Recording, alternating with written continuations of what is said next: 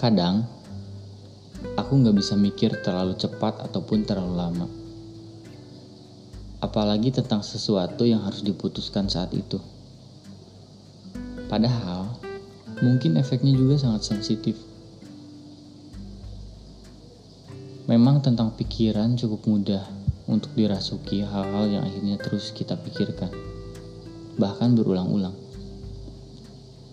sampai akhirnya mengganggu hal lain. Kadang gak bisa tidur kalau emang pikirannya gak tenang, masih seluruhan ini dan itu. Tapi dari sisi lainnya, kadang pikiran kita sering bertolak belakang, atau bahkan sering tabrakan dengan hati. Banyak yang bilang bahwa hati katanya nggak pernah bisa bohong. Tapi sebenarnya yang nggak bisa bohong itu hati atau pikiran. Kalian pernah ngerasa nggak pikiran dan hati kalian nggak kompak? Kadang pikiran udah mulai ngambil kesimpulan bahwa yang kita lakuin cuma sia-sia aja.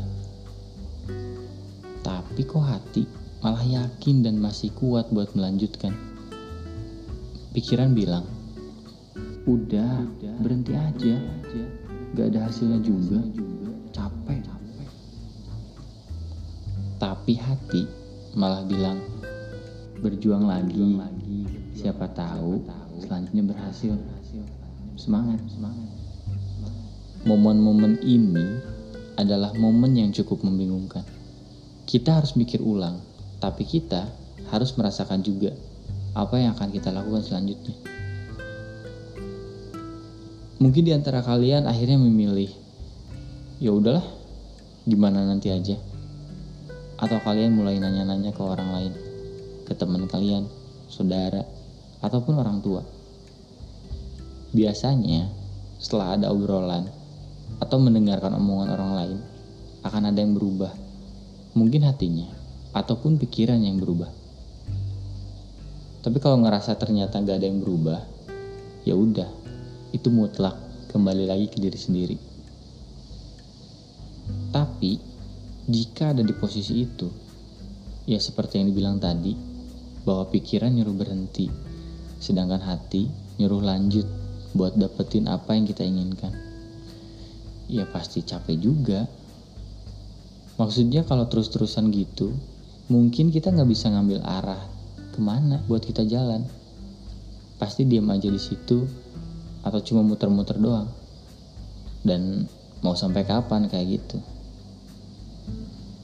dan kayaknya hal itu jadi hal wajar di kehidupan kita tentang apa pun itu mungkin karena ego dan emosionalnya atau karena cinta dan realistisnya atau karena hal lain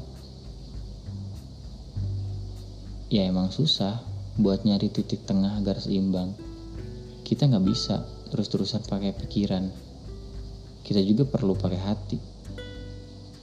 Tapi kita juga nggak bisa ngerasa terus pakai hati. Perlu dipikir juga tentang faktanya gimana. Apalagi kalau pikiran kita bisa memikirkan dua hal yang berbeda. Kayak kita mau lupain sesuatu, karena hal itu ganggu buat kita tapi kita sendiri yang ingat dengan hal itu. Itu pasti ribet sih. Dan kalau ada di antara kalian yang kayak gitu, coba cerita gimana sih kalian menghadapinya dan menyelesaikannya. Saat pikiran dan hati bentrok, pasti ada momen di mana kita nyesal terlalu ngikutin apa yang kita pikirkan. Dan begitu pun sebaliknya kita pasti ada momen nyesel karena terlalu ngikutin apa kata hati. Meskipun gak akan ada yang mudah, tapi kalau yakin, ya udah pegang aja keyakinannya, simpan sama diri sendiri, jangan ada yang tahu. Dan kalau kalian gak yakin tentang pilihan kalian, ya simpan aja. Jangan dijadikan ketidakyakinan itu membuat orang lain sama tidak yakinnya dengan kalian. Jadi simpen aja. Hati dan pikiran akan gak sama di saat kita lagi ada di titik harus memutuskan. Dan itu pasti sulit. itu momen sulit untuk memilih. Karena mungkin bisa aja sesuatu yang kita pilih malah membuat kita kecewa.